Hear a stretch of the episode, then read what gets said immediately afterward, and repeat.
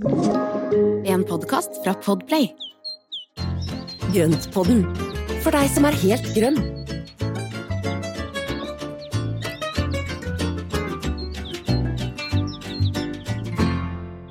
Hei, velkommen til Grønnpodden.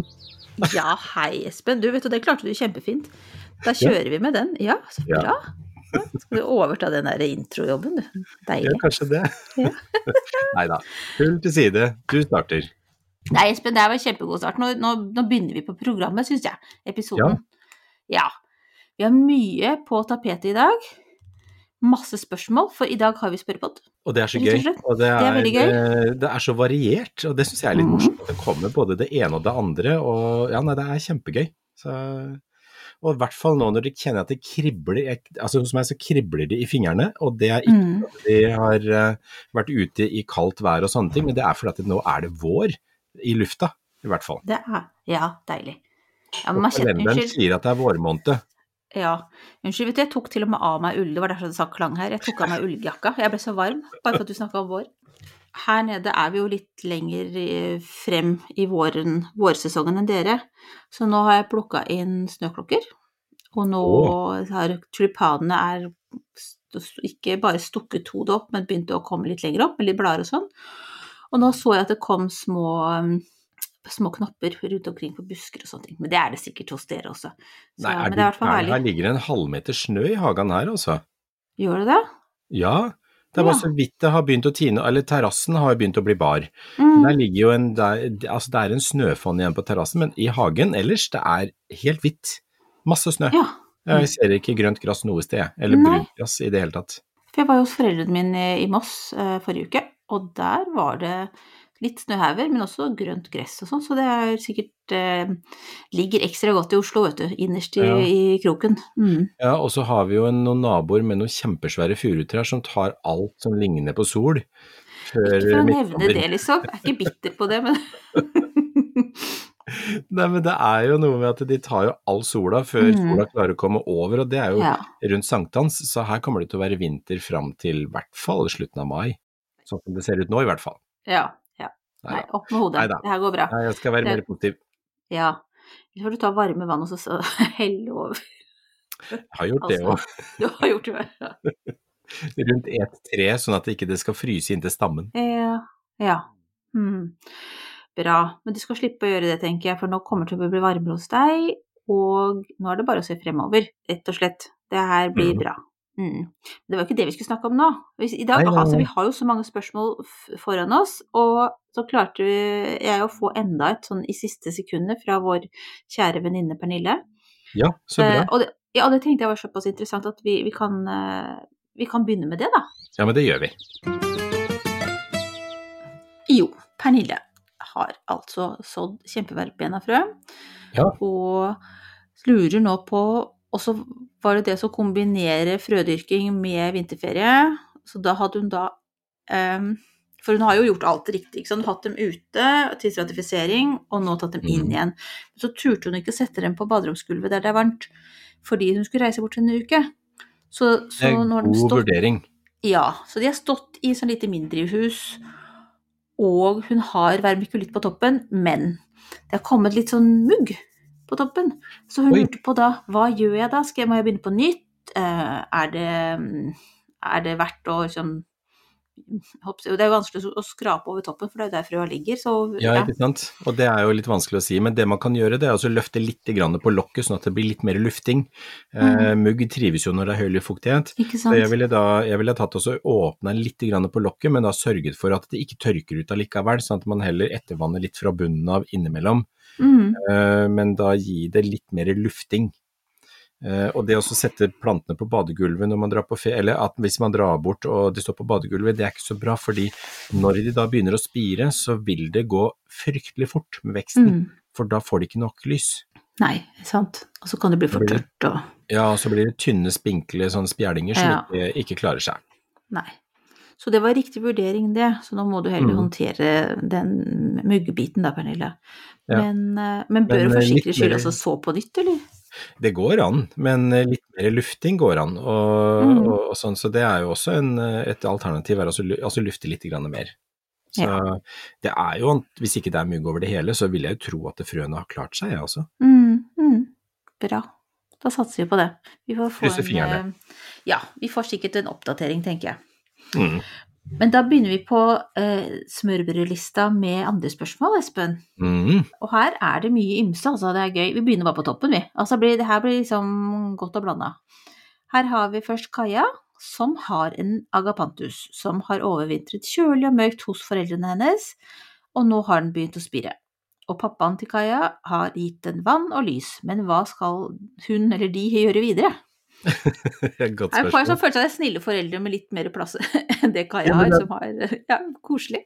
Ja, det er veldig fint å engasjere hele familien på Mm. overvintringa. Det, altså, det varmer jo et grønt uh, hagehjerte, Uh, så dette her er veldig bra. Men hva er veien videre? Jo, det er jo det at den får lett vanning, og at den får nok lys. Men Mm. gjerne en litt lavere temperatur, så hvis det er et kjølig soveromsvindu, eller at det er en plass hvor det ikke er altfor varmt, så tror jeg det er lurt. Eller jeg vet at det er lurt, for at da vil ikke bladene bli så lange og tynne og strantende. Mm. Eh, og så fort det blir frostfritt, eh, og over fem grader, så kan de settes ut på dagen med herding. Og da kan de få lov å stå ute om dagen og inn på natta, så lenge det er risiko for frost. Mm. Er det også da lurt nå å rydde bort eh, visne blader og sånne ting som måtte være igjen fra vinteren?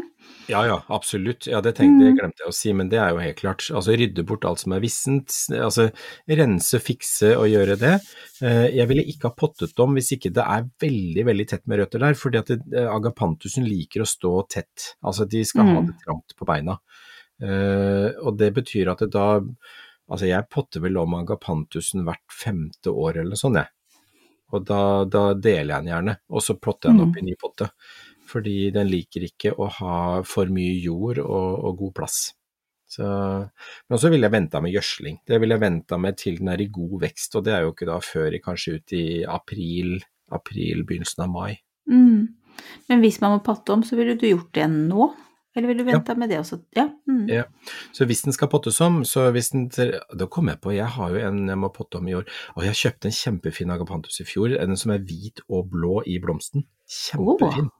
Eh, og den sto i en sånn lita sånn spinkelpotte, og, og den skal få en litt større potte i år, som er litt mer Mm. sånn at den står Mm. eh, rolig.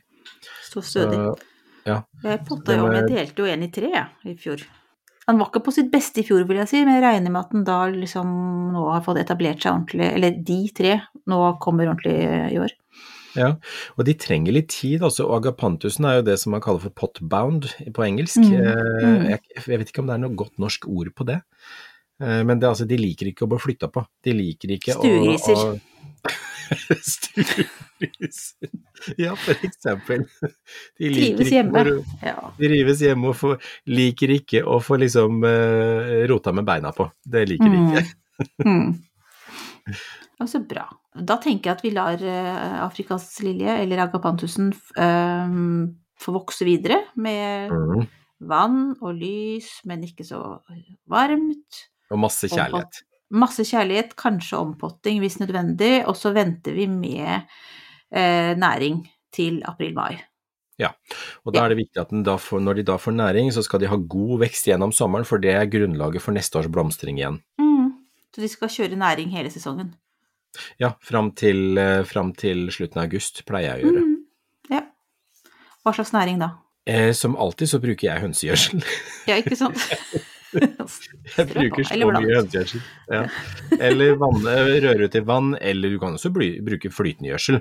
Altså, Mm. det er jo det, men jeg, jeg bruker jo hønsegjødsel rett og slett fordi det gir jo også bedre mikroliv i jorda med organisk, naturlig gjødsel. Smart. Og veldig enkelt. Da har man én Ja, ting. Kjører man med Det Ja, altså, drysser jeg det utover. Skal vi se, da lar vi agapantusen være. Da går vi Mm. over til Virena som lurer på om primula i hagen. Når er de best å kjøpe og plante ut? Primula er eh, Altså, de er jo så fine. Det er jo ekstremt mange primula, så vi må bare gjette på hvilken sort hun mener. Eh, at det er de vanlige primulaene som vi får kjøpt sånn i, i, i de aller fleste butikkene. Så er, det, så er det mulig å plante ut de så fort det er fritt for frost, for at de er jo dyrket fram for å være i fin vekst og i god blomst og sånne ting, og da er de Mm. ikke vant med frosten enda. Så den trenger og liksom å være i takt med naturen og i takt med årstidene for å kunne trives ute. Så den vil plantes ut da, eller den bør plantes ut da når, når det er fritt for frost, og det er jo gjerne første uka i mai. Eh, Mm. Litt avhengig av hvor du bor i landet da selvfølgelig, men her på Østlandet så er det første uka i mai. Så, men så er det jo en del andre primulaer, som er Ja. altså annet disse her eh, mer hagevariantene, eller disse her eh, etasjeprimulaene som skal stå i, i, altså i fuktige soner og i bekkeleier og sånne ting, som også er kjempefine. Da får du lese litt på og finne ut hva det er du skal plante ut, så mm, Men i bunn og grunn så er det best å vente til eh, frosten er borte, da. Så er man Mm. helt sikker på at det blir bra. Ja, Fint, det er rett og slett- Og det, men det samme gjelder jo også Nå avbryter jeg, beklager. Men eh, det samme gjelder jo også for nå begynner jo også disse helleborusene, eller julerosene, Mm. å komme i salg, ikke sant. Og det samme gjelder for alle disse plantene som vi nå kjøper som er i fin blomst tidlig. Eh, så er de, selv om de er ment for å kunne stå ute året rundt, så er de dyrket fram så langt at de er på et helt annet stadie enn årstiden. Ja. Så, er Så sånn vi må ta litt hensyn til dem nå, første sesongen deres. Mm. Og så, men så kan vi liksom fra høsten av, eller så neste år, så, Mm. så, sant, så vil de nok uh, ha vent seg til uh, naturens naturlige rytme, eller noe sånt. Ja, Vet ikke, jeg. ja, ja, vi satser på det. Ja, så får man kjøpe nytt neste år. Skal vi se, da har vi Barte som lurer på om kan eller bør blodbeger stå varmt til den spirer, f.eks. på badegulvet? Ja, det kan de. Eh, jeg gjør ikke det. eh, fordi blodbeger er en plante som eh, egentlig har en bedre spireevne når den får mye lys. Så frøene trigges av lys. Så Mm. det å da heller prioritere lyssettinga enn å sette undervarme er lurt. Ja. Hvis du klarer begge deler med f.eks. en varmematte eller et lite vekstlys på, over pottene som står på badegulvet, så er det kjempefint. Men lys er viktigst for blodbeger. Akkurat. Husk på det. Det er, altså, det er mye å huske på. Man må liksom bli ekspert på de, de plantene man er aller mest glad i, så man liksom Ja, også, sørger for at man får til dem. Ja, og så notere seg de erfaringene Mm. man har, eller å Mm. være med på spørrepodden her hos oss. Ja, Det er gøy! Ja. Da går vi til Jane, Jane, mm. Jane, ja. Som har sådd i overkant mye stemorsblomster. Åh gud, jeg kjenner så igjen den der, eh, altså det der å så for mye. Det Ja. er liksom så lett gjort, altså. Jeg vet. Jeg tror jeg okay. kasta 100 kjempeverbena her for, eh, forrige uke. Nei, men De var så små og spinkle Ja. og puslete, for de har stått for tett litt for lenge. Og så tenkte jeg at nei, men jeg kan jo ikke ta vare på alle sammen. Nei. De blir til jord. Uh, Ja. De gikk på posten. posten. Ja, ja, ja. Skal vi se. Jo, tilbake til stemorsblomstene. Nå Mm. føler hun at de må vike for alt det andre hun også har sådd. Altså, det her er en ganske lang eh, melding, og hun Altså, det, så vidt jeg husker, så var det også chili og agurk. Altså, det var ikke måte på hva som er satt i gang. Ehm, ja. Så, men det hun lurer på, er jo da For hun vet jo at stemorsblomstene skal tåle en del kulde. Men lurer på når de kan settes ut. Er det ok med herding fra tre til fire grader? Og hun bor da i sone fire-fem. ja. Eh, og jeg tenker at stemorsblomster de tåler jo ned til et par-tre minus når de er herda og klare. Uh, så det å da ha herding når det er tre-fire grader, kjempefint. Ja, Og det er jo ja. om å gjøre å få de til å bli de der tette, kompakte, litt sånn der knubbete veksten. Det er jo det man vil Mm. ha. Så, så jeg tenker at uh, så lenge det er plussgrader, så fra tre grader og oppover, kjempefint. Men bare vær, altså dekk de til i begynnelsen, sånn at ikke sola tar de. For nå begynner Ja. sola å bli litt sterk. Mm, så det er den største trusselen, egentlig. Det er kulde og sånn, det takler de, men det er den sola som kan svi litt. Ja, altså de kulda takler de etter hvert. Eh, Ja. Helt i starten så må de ha en tilvenning der også, men eh, de Mm. vil kunne altså Hva er det de sier da? Ned på fire-fem minusgrader på natta går fint for stemor. Når de er herda og Ja. klare. Mm.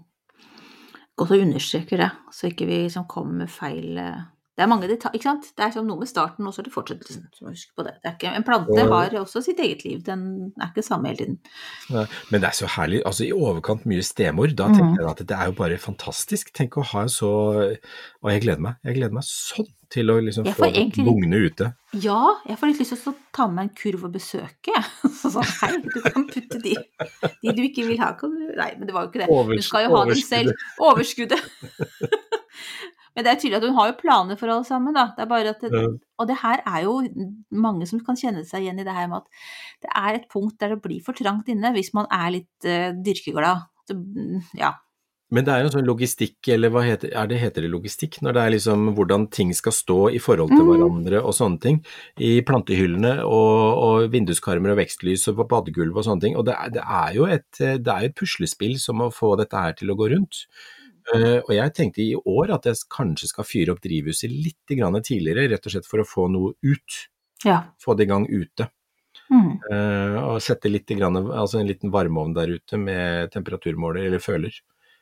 Så dere som har drivhus er veldig heldige mm, som har den muligheten. Jeg ser jo at det både at du kan forlenge dyrkesesongen, og også at du får den der avlastningen når det blir for intenst eh, og litt for mye frøplanter inne. Ja, for det er jo ikke alle i familien som er like glad når badegulvet er som et lappeteppe av småpotter og minidrivhus. Eh, jeg snakker av erfaring. Ja, jeg ser, jeg ser det for meg. Skal vi se. Og du, det er jo egentlig en veldig fin overgang til neste, for da har vi Victoria Marie som har nå fått, eller er i ferd med å få balkongen innglasset, og Ja. lurer på om det byr på nye dyrkemuligheter. Hun har tidligere dyrket tomater som har modnet langsomt, og vil det kunne bli annerledes nå? Så skriver hun også da at balkongen vender nordvest og har veldig lite sol. Um, så de forutsetningene vil jo ikke endre seg, men det vil jo bli varmere der inne, tenker jeg. Ja, det blir absolutt varmere, og nordvest, er ikke det da sen kveldssol? Eh, for da Jo, går det ned i vest, og det betyr at Ja. da vil du antageligvis få litt grann sånn ekstra sånn eh, varme på kvelden. Og det er Mm. veldig fint, for da holder man varmen litt oppe utover kvelden og natta, eh, som gjør at du får en jevnt over en høyere temperatur. Men en innglassa balkong, og det tenker jeg at også på en gråværsdag, så er drivhuset varmere enn utafor. Mm. Eh, og det betyr det samme på en innglassa balkong, at du får en høyere temperatur når, eh, når lyset er eh, på, utover våren og sommeren. Lysforholdene vil jo ikke endre seg. Er det da en idé å kombinere med litt Kan man ha vekstlys altså gjennom hele sesongen, eller er det her bare helt tullete tenkt? Nei, det er ikke tullete, men jeg tenker at det er eh, Altså, det er ikke sikkert at det er nødvendig, fordi du vil jo få en høyere temperatur, og det gjør jo altså som, da, som du nevnte på, at det, med tomater som da modner langsomt og sånne ting, så vil de modnes eh, raskere med en innglassa balkong fordi at temperaturen er høyere, selv om det ikke er mer sol der. Så, så det vil jo være med på å, å, å øke hurtigheten på både vekst og modning. Så jeg tipper at hun vil oppleve å kunne få en tidligere avling, eh, altså at de blomstrer tidligere, setter tomater tidligere, og at hun får mer modning. Mm. Så bra, da. Ja, det her Mm. høres jo kjempefint ut. Ja. Lykke til. Jo, og så har hun et oppfølgingsspørsmål, eller egentlig et spørsmål to. Har dere Mm. noen tips til hyggelig innredning på balkong nå som vi starter på nytt? Eh, og da kan jo bare jeg anbefale å lese Altså, for jeg har akkurat lagd en sak for Bonytt om, om hvordan man skal innrede på eh, balkong og små uteplasser. Det blir litt sånn Så gratis reklame for Bonytt. Men det, var, altså, det er mye man kan gjøre. Eh, altså, sånn som altså prioritere hva, hvordan dere kommer til å bruke balkongen mest mulig. Det er ikke noe Mm. vits å ha 40-100 sitteplasser hvis det er stort sett eh, to eller fire personer som skal være der. Gjør det Mm. komfortabelt å, å ha nok lys, slik at du har lyst til å sitte der om kvelden. Litt sånn koselig stemningslys. Eh, og som vi to har snakka om før også, Espen. La det gro oppover. Altså, tenk, tenk på balkongen, balkongen som en, en, en kube. Du kan henge ting fra taket, du kan la klatreplanter vokse oppover på Veggene. På veggene. Ja. Så, så, og gjerne liksom Altså eh, Lag det til en forlengelse av hvordan du har det inne, tenker jeg. Slik at det Mm. føles som et ekstra rom. Ja, og jeg tenker også det at du kan da begynne å sette ut litt kjøpt lykke, eh, i form av liksom litt perleblomster, påskeliljer, og liksom begynne å, å, å, sette ut litt planter, fordi når du har en innglassa balkong, så vil jo den også være mer skjermet mot nattefrosten, så du Ja. kan starte tidligere med, med planter, og de kan settes ut selv om ikke de er fullt så herda som mange andre, så du, du kan starte sesongen vesentlig tidligere med en Mm. innglassing eh, på balkongen. Mm. Og du kommer til å bruke den mer, tenker jeg. Ja, ja. Husk å ha litt pledd og saueskinn i, utesofaen, holdt jeg på å si, eller stolen og sånne ting, så du, det er naturlig å gå ut dit. Ta med deg morgenkaffen og gjøre, lage noen nye rutiner, så blir det kjempefint. Jeg har lyst til å gå ut ennå.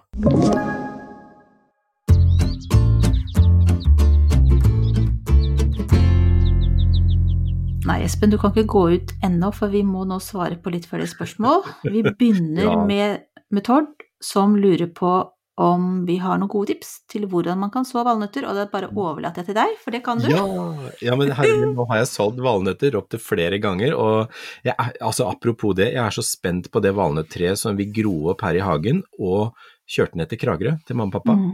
Eh, og det er planta nedi lia på nedsiden av huset, og, det kommer, og der er det veldig lunt og fint og varmt og gode næringsforhold. Og der kan du bare stikke et kosteskaft i jorda, så blir det tre. Det, altså, det Ja. gror så fort. Sydvendt helling ned mot sjøen. Kjempefint plassering. Eh, og så er jeg så spent, for at den eh, fikk jo en god tid på å etablere seg i, eh, i høst. Eh, og så får vi se hvordan det kommer nå etter den første vinteren der nede. Men det var egentlig en liten digresjon, for at det, det var såing. Unnskyld meg. Du måtte bare fortelle litt. Jeg måtte bare fortelle litt. Eh, det er så enkelt som det at jeg fikk jo nøtter av deg, Marianne. Og de lå bare kjølig i vinterhagen, så lå det igjen en fire-fem nøtter som jeg bare dytta ned i et blomsterbed på våren, og i løpet av sommeren så kom det opp. Det var kjempeenkelt. Ja. Enkelt og greit. Det er det. Du har ikke noe Det er bare å stappe det i jorda. Ja, det er bare å sette i jorda. Men det, vil, det jeg vil si da, det er at jeg prøvde jo også et par stykker som jeg forkultiverte inne i potte. Eh, og det gikk for så vidt greit i spiringa, men de var vanskelig å få til å overleve, så de, altså ingen av de to overlevde. Eh, begge spirte. Men det som skjer, det er jo det at eh, når den begynner å spire, så får den opp frøblader, og så begynner den å vokse litt, og så stopper veksten. Og det er jo fordi at da eh, står den med litt grann blader første sesongen, mens den hele tiden jobber med røttene, så da Mm. skjer alt under bakken. Og det å ha den i potte da gjorde at det, da gikk den eh, rett og slett i dvale for tidlig, og det var ikke noe plass for røttene å jobbe, og eh, det gikk ikke så bra. Mm. Ja, det er Det god, og, godt råd. Så det å heller følge sesongen, for den ble ikke noe større og finere utover sesongen heller, for den stoppa jo opp. Så det å da plante, eller det å så den direkte på uteplassen når eh, jorda er mulig å bearbeide, så tidlig som Mm. mulig på våren, for at da får den mest mulig sesong som den kan jobbe seg på. Snakker vi da april, mai? Ja, begynnelsen av mai, Mai? litt avhengig av hvor i landet det er, men Ja, her, på, her på Østlandet så er det slutten av april, begynnelsen av mai. Altså månedsskiftet Mm. april-mai. Men altså, jeg har litt valnøtter igjen. Mm. Ganske mange valnøtter igjen. Ja. Er det sånn, kan jeg ta De har jo ikke ligget kjølig på um, noe sted, de har jo bare ligget inne. Ligger de tørt og luftig, så tror jeg Ja. det går greit, jeg. Det er bare å prøve. Jeg skal jo oppover til Norge neste uke, kanskje jeg skal ta med noe og dele ut til, eh, til de heldige. Ja. Kanskje ikke de har lyst på det engang. Nei, det, man vet jo aldri, men, eh, men jeg tenker sånn som med de, de jeg fikk av deg, da, de lå jo bare på bordet i vinterhagene, for jeg glemte det Mm. der lite grann. Og så Mm. jeg fikk de jo i en sånn fin liten boks, og så lå de der, og så tok jeg da på våren og tenkte ah, nei, men nå må de ut. Og så ser jeg hva som skjer. Og de, de lå jo egentlig veldig tørt der ute. Og Mm. jeg tror om ikke alle, så kanskje det var bare én som ikke spira. Så det var liksom, jeg fikk jo tre, fire, jeg fikk jo fire, Det tror jeg, jeg dytta ned fem valnøtter, jeg fikk opp fire, fire planter. Wow. Så det Ja, det er veldig god spiring på de, altså. Så Ja, så bra. Nei, men da prøver vi. Vi se. potente valnøtter. Ja, potente valnøtter. Høres bra ut. Andreas lurer på hvor tidlig kan man begynne å dik direkte så Dikte så, det. Det var jo noe helt nytt. Det skal vi ikke snakke om. Direkte så skal vi derimot snakke om. Har hørt at man kan så gulrøtter så fort som snøen har smeltet. Jeg bor i Follo, i sone 3 til 4. Ja, og det stemmer. Altså, det er en del planter som kan direktesås, og eh, det er jo spesielt så er det planter som da du vet at det kan, altså hvor frøene overvintrer, at de selvsår seg. Eh, Men det kan egentlig sås med en gang også, og så kan man legge godt med snø over der hvor du har sådd. Så hvis man da f.eks. sår i et minidrivhus, eller fyller det, og fyller da med snø over pottene, så ligger frøene beskytta der, og så vil de spire i takt med våren når den kommer. Og da Mm. får du mye mer kompakte, fine planter. Så, sånn som eh, det var gulrøtter, var det ikke det? Ja. Mhm. Eh, De skal kunne overvintre frøene på, så da tenker jeg at du kunne gjort det med en gang. Så er du ferdig med det. Så kan de stå da og hvile. Det eneste ulempen der er hvis det blir en mild periode hvor det da begynner å spire, og så kommer det en kuldeperiode igjen. Eh, Men i utgangspunktet så skal det gå helt fint å gjøre det nå. Og det er sånn vintersåing. Ja, det er jo det. Og det er en veldig spennende måte å, å dyrke på, og så sparer man både plassen, ja litt ref det vi snakket om i stad, altså det med å ha lite plass inne. Du sparer plassen, så får du planter som kommer i takt med naturen, og som da starter helt eh, tidlig. Så blir de tette og fine i veksten. Høres veldig bra ut. Og så er det fint det der at, man kan, at vi nå i økende grad tenker at man kan faktisk dyrke det aller meste av året på Mm. ulike måter. Mye ute, som du sier, vintersåing og en del ting som jo trives med å bli stående igjen til det er ganske kaldt, som kål og sånn. Mm. Men også det at man da kan dyrke vinduskarmen. Altså vi, jeg tenker at man, og som du sier, litt sånn utvida tolkning av det at du sier at de vet ikke, plantene vet ikke hvilken klimasone de er i, så kan man jo si at plantene vet jo ikke hvilke vilkår de egentlig helst bør ha, så man kan jo teste ut. Prøve å dyrke inne også. Det, det, ja. mm. Ja. Men prøv med er- gulrøtter nå, du. Det er kjempegøy, og det, og det er jo en veldig spennende ting. Og det er veldig mye grønnsaker som vi er kjent med, de kan jo da vintersås, altså alt fra vårløk og purre til andre ting, og kålvekster og sånne ting.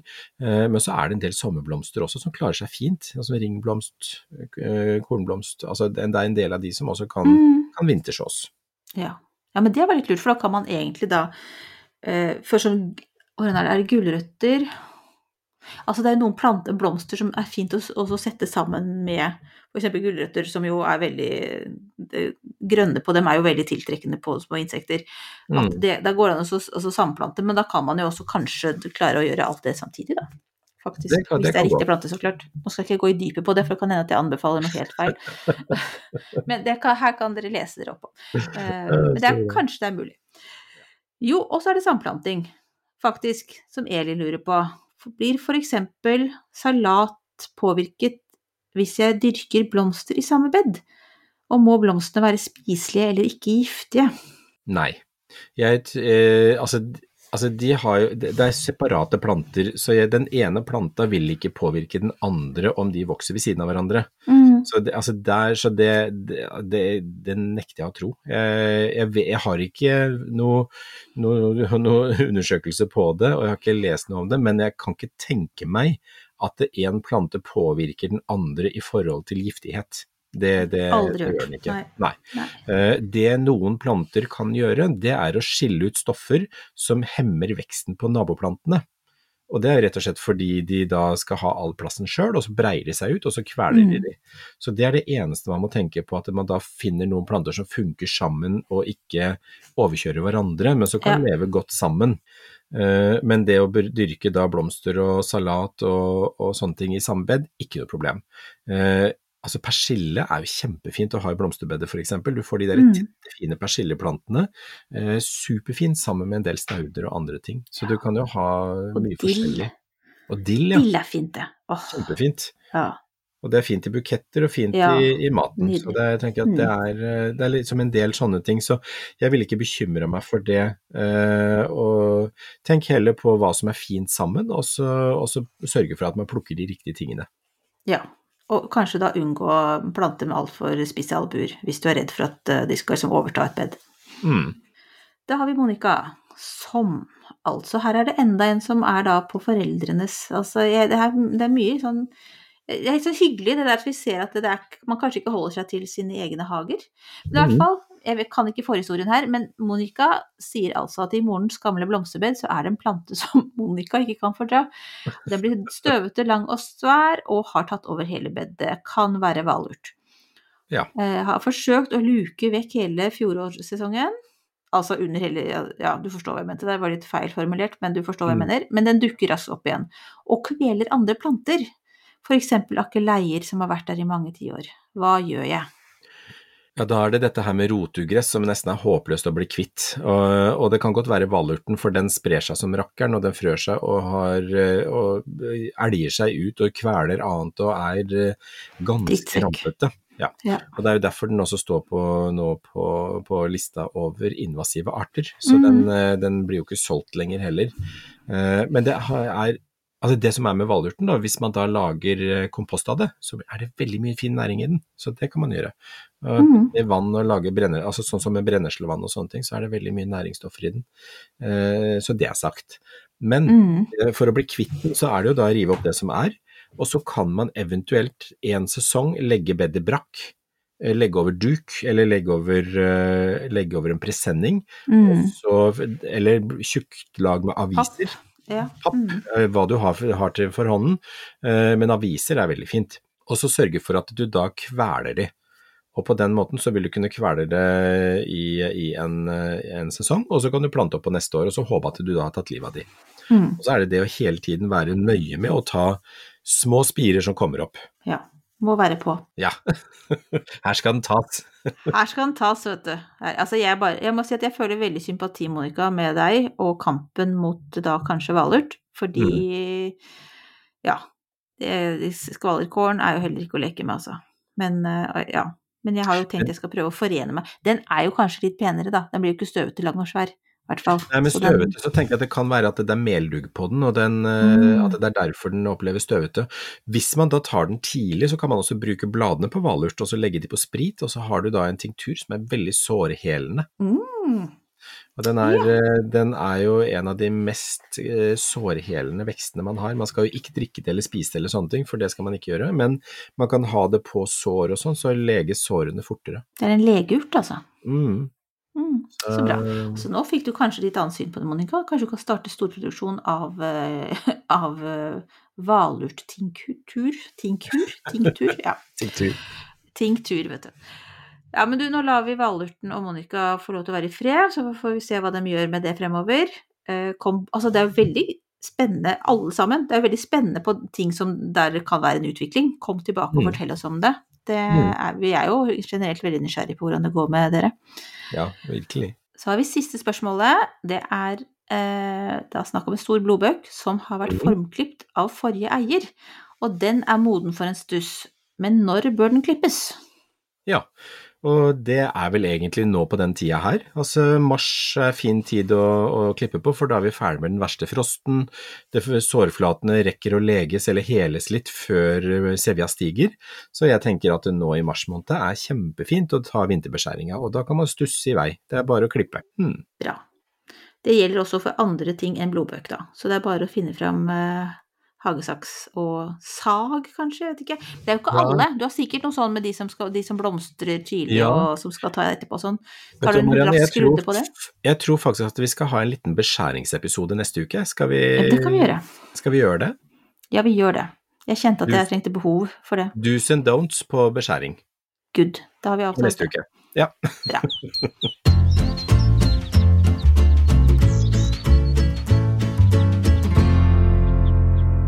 Takk alle sammen for eh, kjempebra spørsmål. Mm. Um, da hopper vi over ukens spørsmål, siden hele episoden har vært et ukens spørsmål. Men ukas plante må vi jo ha. Ja, og det var også et spørsmål som jeg fikk på, på Ja. min konto, på Instagrammen Ja. min. Eh, og det var en som spurte om kanna, eh, som nå har ligget til overvintring i liksom sandblanda jord. Eh, Mm. Og hva gjør vi nå? Og eh, kanna er det jo kanskje en del som kjenner til. Eh, jeg har ikke hatt den på mange år, jeg hadde masse av de før, forskjellige varianter, og de er jo veldig sånn eksotiske eh, Mm. og gøyale i vekstformen, og får jo det disse svære, altså disse spirene med masse fine blomster på. Ja, de er veldig Eh, flotte. I, ja, de er kjempefine. Så finnes i alle mulige gul, oransje, gyllen, over i rosa farver, og noen av de har jo da disse dyp mørke bladene, nesten som denne her jap eh, nei, japanske banan, skal jeg si. Denne her, eh, denne her eh, mørke bladet av bananen, den maurelli i, som da er en ensette ventricosum. Og det er jo da dyp mørke blader som er kjempefine. Mm. Så, men canarota, da, det er en rotknoll som ligger nede i bakken, og når du da på denne tiden av året her, så kan du ta den opp, og da vil man se at det er øyer, akkurat som på, liksom på georgineknoller, så kommer det Mm. antydninger til skudd. Da nå kan du også dele rota i to eller flere, og sørge for at du får flere planter. Og så er det rett og slett å legge den da flatt i jorda, og så dekke med kanskje en fem centimeter med jord over, og begynne forsiktig vanning. Og så vil den begynne å etablere nye røtter, komme nye skudd, og så er den klar for ny sesong. Enklere for-. Den er så Ja, nei, det, det er kjempefint. Jeg fikk veldig lyst på det, den. Mm. Eh, men er det da sånn, misforstår jeg det nå på at de kan ligge ute i jorda hele året? Nei, tar nei, man nei, inn? Gud, nei, Man tar nei, det inn nei, sånn som georgineknoller? Ja, ja, ja. Oi, oi, oi, det må jeg si. Den er jo overvintra, den tåler ikke frost, så den overvintrer inne som georginer, tørt, kjølig, Mm. og så preppes den og settes i gang nå på våren. Uh, og den er faktisk også i ingefærordenen, uh, så den er faktisk Uh. langt uti der, så er den i slekt med ingefær. Ja. Men ville du brukt den til middag? Nei, ikke det hele Nei. tatt. Nei. Eh, Men det er veldig pen å se på. sånn, det er veldig pen å se på. Og det finnes småblomstra, storblomstra, mange forskjellige varianter. Veldig Mm. fin, eh, fin plante, altså. Fine blader. Ja, bladverket er superfint, og det blir, så, Mm. det blir noe med den der litt eksotiske, nesten bananaktige formen på det også. Så Mm. det er en, eh, en sånn saftig, fin farve på det også, så det er ja, en kjempefin plante. Hvordan ville du satt dem? Skal de ha mye lys? Skal de ikke ha mye lys? Hva Gjerne er full sol. Ja. Eh, full sol og varmt, da stortrives den. Eh, bare gi den nok vann og gjødsel. Så eh, dundre på med gjødsel og vann, og så gi den masse, masse lys og luft og kjærlighet. Kan man også dyrke de fra frø, eller er det fryktelig vanskelig? Det tar litt lengre tid. Eh, Mm. noen ganger så tar det litt tid før de spirer. Og den er jo veldig fin å dyrke krukke, men den kan fint også plantes i blomsterbed. Og da får Ja. lov å stå ute i bedet, akkurat som en georgine, så at man da bare Mm. graver den opp. Kan det være noe jeg kan ha sånn elegant på kjøkkenet? Inne? Ja. Nei. Den vil ikke. Du vet at jeg leter alltid etter kandidater som skal oppfylle det målbildet jeg har av det kjøkkenet til Terence Codron. Denne skogen, jeg ja. vet. Men nei, den trives ikke inne. Så da vil den fort bli angrepet av spinnmidd og lut Ja, og full av tøys. Den trives best ute. Ut Ja. på sommeren. Ut Mm. når det er fritt for frost og god varme. Mm. Mm. Kjempefint. Nei, den tror jeg jeg har lyst på, altså. Bare finne en sånn plass. Åh, herlig. Du, det var et veldig godt tips. Nå ble jeg superinspirert. Den fins i nesten alle nettbutikkene akkurat nå. Så, Mm. det, finnes, det er en veldig fin en som er rød og gul, som kalles for Lucifer, som er kjempefin. Mm. Åh, ja, da vet du hva jeg skal gjøre etterpå. Men hva skal du gjøre nå, Espen?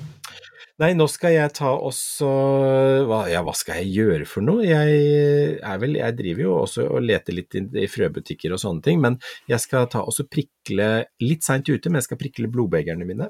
eh, fordi jeg blir fine små planter. Eh, og så har jeg sådd tomater. Så Oi. de driver og spirer, og jeg driver og tester ut en ny sort som heter luffa. Eh, og Det er, Luffa? ingen, det er ingen tomat, men det er en Nei. svamp. Ja, du, det vet jeg. Kom på det. Det har jeg prøvd. Gikk fullstendig dritt. Gleder meg til du får det til. Så kan jeg få en av deg. Gikk det ikke? Nei da. Altså, jeg vet ikke. Amatører som skal prøve seg på noe sånn eh, Men det var veldig gøy, da. Altså, det er jo alltid gøy å prøve, men det gikk jo Ja. Sier ikke noe mer om det, men lykke til. Jeg gleder meg veldig, for jeg er sikker på at du får det til. Ja, men takk. Nei, jeg er veldig spent, for dette, jeg har jo sett andre drive og dyrke på den, og det ser veldig gøy ut. Nå, den, den har jo spira bare etter fire-fem dager, så boff, så står de der, sånne Uh. fine frøplanter. Ja. Så, så den er jo helt klart i gang. Så, Ja. så, så jeg er veldig spent på den. Eh, Men det viktigste for meg var tomatene, altså. Og da Mm. har jeg noen, noen favorittsorter som jeg bare måtte ha, og det, det er, eh, de er nå i god fart. Så fine frøblader og alt er på plass, så det, dette her blir bra. Og vi som ikke har drivhus, vi får vente litt til før vi begynner å så tomatene. Ja, det er, det, er, det er ikke noe vits i å starte for tidlig hvis man ikke har mulighet til å sette de ut i et drivhus. Altså. Så skal de ha de på friland, så, så er det om å gjøre at de, de holder den der veksten litt grann tilbake før de skal ut. Men de, i løpet av mars måned nå, så, så tenker jeg da vil jeg ha gjort det. Mm. Mm. Åh, det er ikke så lenge Så det- til. Nei, det, er, det går fort nå, altså. Men du da, Marianne, du plukker jo småblomster og fyller i vaser og koser deg med deilig vår allerede, du. Ja, da, nå, har jeg, nå har jeg måttet kippe ut de forsytia-greinene, men det, mm. de har søren meg stått lenge inne. Det var helt fantastisk. eh, Så nå har jeg drevet og kikka litt ute og se hva som blir neste, neste som klippes og tas inn. Altså, det er jo så klart magnoliaen, men jeg har Mhm. litt lyst til å teste noen andre ting òg, så jeg skal ta en runde etterpå med saks og klippe. Og så fant jeg enda en sånn der eh, sånn blomsterfrosk. Sånn eh, Ja, sånn til å stikke Ja, snitt ja, sånn å stikke oppi. Ja. Ja, på, når jeg var på lokale loppisen. Eh, så Mm. nå har jeg to forskjellige, så jeg tenkte jeg må teste ut den på en eller annen måte også. Det så gøy. Nå skal det bli litt pønt. Ja, nei, men så bra. Ja, det er Ellers så var jeg da Ellers så var jeg jo da på en tur langs stranda i går. og, så, og jeg har sett en plante som Den er liksom litt mektig, men samtidig fryktelig trist, for det er liksom bare grønne pinner. Ja. Og, og i går så var det noen som hadde liksom hugget ned masse partier. Altså, Jeg vet, altså Det så så uproft gjort ut, så jeg regner med at det var en eller annen sånn litt småsint eh, strandhuseier som syntes det her var for jævlig. Men Ja. i hvert fall, så jeg tok med meg den inn hjem, og da Ja. jeg den til deg, så nå ser du den. Og du sa at dette er En gyvel. Ja. En, Men er, det noe, er de invasive eller noe sånt? ikke Siden her i Norge. sinte på dem? Nei, Nei, det var vel syns du synd på dem. Det skjønner jeg. Nei, det er jo da en busk som eh, Altså, den er jo ikke den mest hardføre, så den trives jo kanskje bedre hos dere enn Mm. her hos eh, oss. Jeg har hatt en i hagen som nå har liksom Ja, den gikk vel inn i fjor vinter, tror jeg. En som het Lena. Som er oh. en eh, Ja, den er kjempefin. Den het Lena. Men det er sorten Den het, heter, altså. het, sorten heter Lena, har ikke du kalt den Nei, nei, Lena? nei, nei, nei. Nei, og det er, men den er jo Ofte så er den helt knall gul. Eh, De der pinnene får da masse gule blomster, og så får den Mm. blader etter hvert. Men det som da skjer med, med, med denne her som jeg hadde her, den er litt sånn gyllen. Så den fins i da liksom ulike gylne toner også. Litt over mot rødt. Kjempefin. Å, det høres veldig fint ut. Mm. Ja. Men jeg tror den Lena har herdighetssone to til tre, så den er jo ikke mest robust, altså. Nei. Jeg solgte kanskje ikke gyvelen så inn, men når du beskriver den, Espen, så, så nå gleder jeg meg til å komme tilbake til den stranda når det begynner å blomstre. Ja, det skjønner jeg. Og der, Mm. eh, ta bilde og legge ut, og vis oss. Yes, Ja. det skal jeg gjøre. Supert. Men du, nå avrunder vi, tenker jeg. Nå vet vi hva vi skal snakke om neste gang, det er jo alltid betryggende. Mhm. Um, og så kommer vi til å ha, ta en prat med Helene, i al- alias Hagesnakkes, uh, etter hvert. Uh, Om den nye boka hennes. Om den nye boka. Jeg gleder meg sånn til å høre. Åh, jeg, er liksom, jeg er inspirert og imponert, så det her blir veldig gøy. Skal Ja. få lov til å fortelle oss alt og komme med noen gode råd og sånne ting. Så det er Ja. um, Og jeg kan love at den er fin, for jeg har lest gjennom hele. Jeg har lest hvert eneste ord, ja. ja, men det er den bra. er fin. Mm. Supert. Da sier vi ha det da, Espen. Ja, men det gjør vi. Tusen takk for i dag, og takk for at dere henger med, og god vårfølelse alle sammen. Herlig. Det var bra avslutning. Ha det bra. Ha det.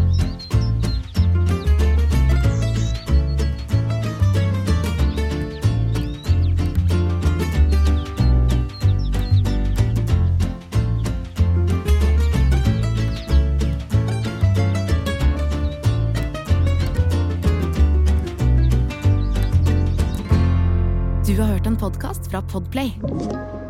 En enklere måte å høre podkast på. Last ned appen Podplay, eller se podplay.no.